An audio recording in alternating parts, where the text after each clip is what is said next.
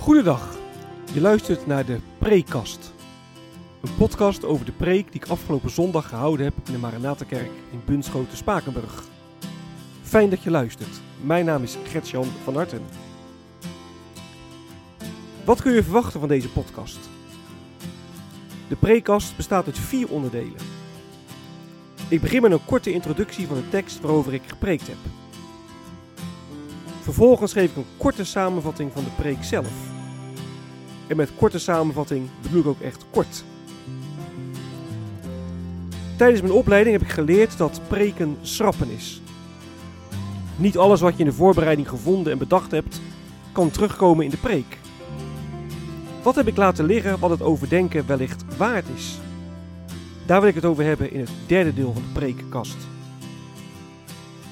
En tenslotte sluit de preekkast af met een aantal verwerkingsvragen. Vragen die je kunnen helpen om de preek te overdenken en of toe te passen. Ik wens je veel luisterplezier.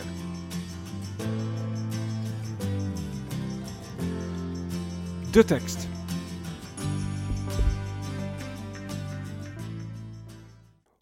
Op Eeuwigheidszondag, dat is de laatste zondag van het kerkelijk jaar, de zondag voor de eerste Adventszondag, worden in de kerk de gestorven gemeenteleden herdacht. In het kader daarvan heb ik gepreekt over Psalm 90. Psalm 90 dat is een gebed van Mozes, staat erboven. En in de psalm tekent uh, Mozes dan de nietigheid van de mens en de, de grootheid, de eeuwigheid van God. Terwijl God van eeuwigheid tot eeuwigheid is, zegt vers 2 bijvoorbeeld, doet God de sterveling terugkeren tot stof, vers 3. In het tweede gedeelte van de psalm, dat is vanaf vers 7, dan wordt de toorn van God uh, beschreven. wij komen om door uw toorn, zegt Mozes. Of vers 11, wie kent de kracht van uw toorn? En de psalm die, die eindigt dan met een, een, een, een gebed eigenlijk, vanaf vers 13. Keer u tot ons, heren. Of vers 17, dat was de tekst van de preek. Laat ons uw genade zien, Heer onze God. Bevestig het werk van onze handen. Het werk van onze handen bevestig dat. De preek.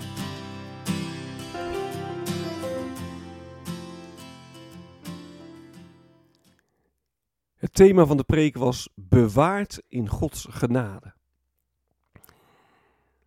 Laat ons uw genade zien, Heer onze God. De dichter van de psalm die uit deze hartekreet in vers 17 niet voor niets. De psalm is geschreven door Mozes en Mozes mocht namens de Heer het volk naar het beloofde land leiden. Maar toen ze bij Canaan waren aangekomen en toen spionnen het land verkend hadden, en toen waren de Israëlieten bang geworden en ze dachten, ja, dit land, dit kunnen we nooit innemen. De, de inwoners zijn veel te sterk, dit gaat ons nooit lukken. En voor straf moest het volk toen 40 jaar extra de woestijn in.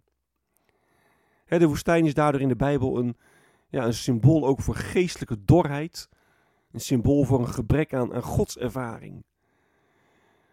Nou, dat gevoel kunnen we vandaag ook hebben. Hè? Wij zijn op weg naar de nieuwe aarde. Maar er kan zoveel gebeuren onderweg dat je denkt, ja, komen we daar ooit wel aan? er kunnen geliefden sterven. waardoor je ogen vol tranen zijn en je de, de, de, de blik op God niet meer helder hebt. Het gezicht op God wordt daardoor vertroebeld. En het leven lijkt soms ook zo zinloos. Hè? Het is een, onafge, onafgebroken keten van ja, opgaan, blinken en verzinken. Nou, die vergankelijkheid van het leven die zie je ook terug in, in Psalm 90, vers 3. U doet de sterveling terugkeren tot stof en zegt, keer terug mensenkind. Of vers, vers 5 en 6, waarin gezegd wordt dat de mens is als, als gras dat s'morgens opschiet, maar s'avonds alweer verdord is. Nou, dat Israël in de woestijn uh, moest rondzwerven, dat was een straf, een straf van God. Het was een oordeel van God. Een oordeel omdat uh, ja, het volk de Heer niet had vertrouwd. En je leest dus ook heel veel over dat oordeel in Psalm 90.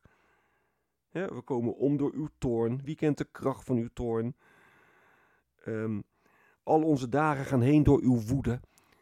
Maar dat gaat dus niet over uh, het toorn van God, maar zo in het algemeen. Maar het gaat over de toorn van God tegen het feit dat het volk hem niet vertrouwd had. niet vertrouwd had toen hij zei: Jullie kunnen Canaan innemen.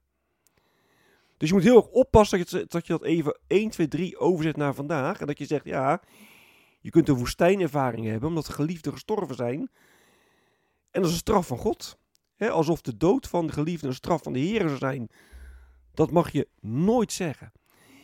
Kijk, wat je wel in zijn algemeenheid kunt zeggen, is dat de dood een, een straf op de zonde in zijn algemeenheid is. Het is een gevolg van de zondeval. En de Bijbel zegt, hè, denk aan Romeinen 8 bijvoorbeeld, dat de schepping zucht onder de vloek van de zonde. En dat uitzicht onder meer ook in, in verdriet om sterfgevallen. Nou, wat kun je dan, dan uitkijken naar Gods genade? En godzijdank dat dat mag je ook doen, want God is niet een God die graag oordeelt. Nee, de psalm begint al gelijk met: Heere, u bent ons een toevlucht geweest. U bent een, veilige plek waar we mogen schuilen. En de psalm die eindigt met: Laat ons uw genade zien. Nou, de, de psalm wordt door deze twee ja, piketpaaltjes als het ware gedragen. Deze psalm wordt ingekaderd in het feit dat God zegt: Ik ben een toevlucht. Ik wil genade geven. En dat, dat geeft hoop. We mogen uitkijken naar Gods genade. En dan kun je ook zeggen, we mogen uitkijken naar Jezus Christus. Want in Christus wordt de genade van God zichtbaar en, en tastbaar. Herkeer u tot ons, heren, zegt vers 13. Nou, in Jezus heeft God zich tot ons gekeerd. Hij is vol ontferming, uit genade naar ons toegekomen. Om voor ons te lijden. Om voor ons uh, te sterven aan het kruis op Golgotha. Kijk, als Psalm 90 zegt: Wie kent de kracht van uw toorn? Dan luidt het antwoord: Jezus Christus. Hij kent de kracht van Gods toorn. Hij stierf ja, van God verlaten. Hij is voor ons die toorn van God ondergaan. En dat, ja, dat is de, de heerlijke boodschap van, van het evangelie. En dat geeft ons leven ook ja, echt eeuwigheidswaarde. Want Jezus is niet alleen gestorven, Jezus is ook opgestaan uit de dood de dood als straf op de zonde is overwonnen. En wij mogen daarin delen. En dan eindigt de psalm met bevestig het werk van onze handen. En dat betekent laat, laat ons werk niet te vergeef zijn geweest. Nou, in Christus heeft God dit gebed, nou ik zou bijna zeggen, meer dan verhoord. Want met lichaam en ziel zijn en blijven wij met God verbonden, dwars door de dood heen. En in dat geloof herdenken we op Eeuwigheidszondag al onze geliefden die gestorven zijn. Bewaard, bewaard in Gods genade. Wat is blijven liggen?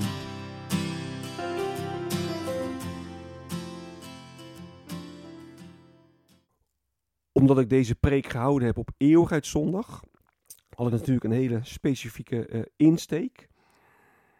Maar als je nou deze psalm bepreekt los van Eeuwigheidszondag, dan kun je hele andere accenten leggen. En dan kun je bijvoorbeeld een preek maken over ja, de, de, de heerlijkheid, de grootheid, de majesteit van God. als ik bijvoorbeeld kijk naar, naar vers 2, nog voor de bergen waren geboren, voor u aarde en land had gebaard, u bent, o God, van eeuwigheid tot eeuwigheid. En vers 4, duizend jaar zijn nu in uw ogen als de dag van gisteren die voorbij is.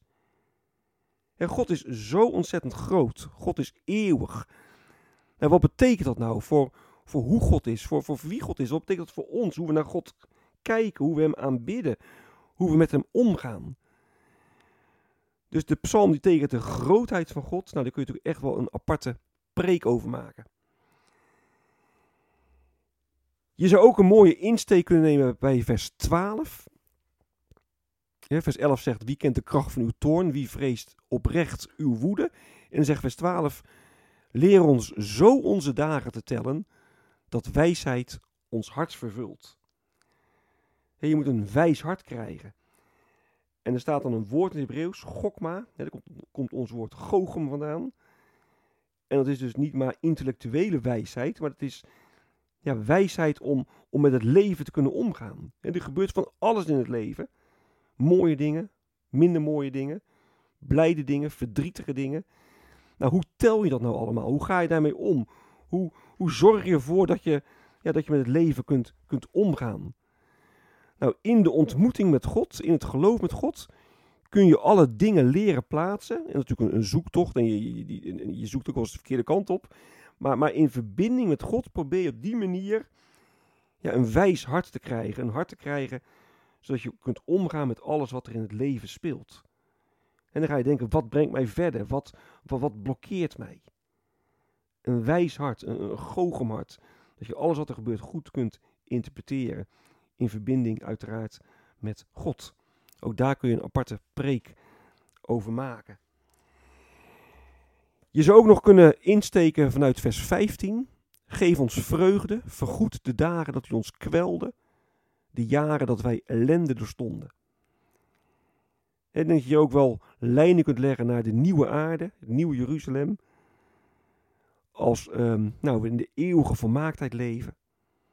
Dan liggen de jaren van ellende achter ons. Dan geeft God ons volmaakte vreugde. Nou, wat betekent nou het vooruitzicht van dat leven, dat leven nieuwe aarde? Wat betekent dat ook voor hoe we nu vandaag in het leven staan? Ook daar kun je, denk ik wel, vanuit Psalm 90 een aparte preek over schrijven. Verwerkingsvragen.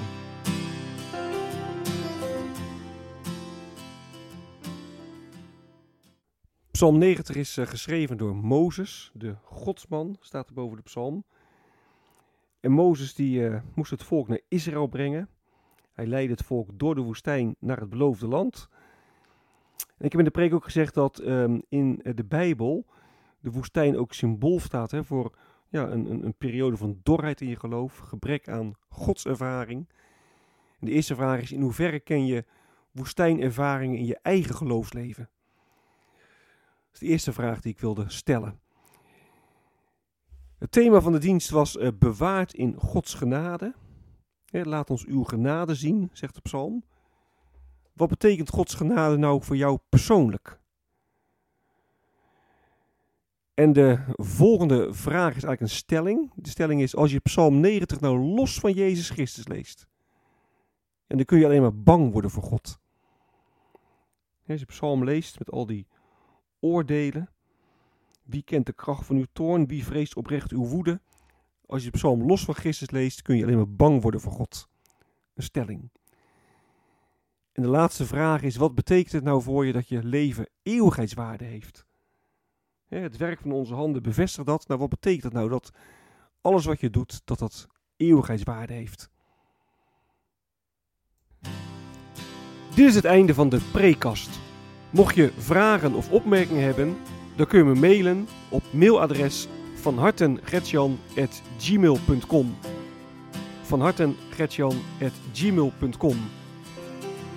Ik wens je nog een hele prettige dag. Hartelijk dank voor het luisteren. En wie weet, tot een volgende keer.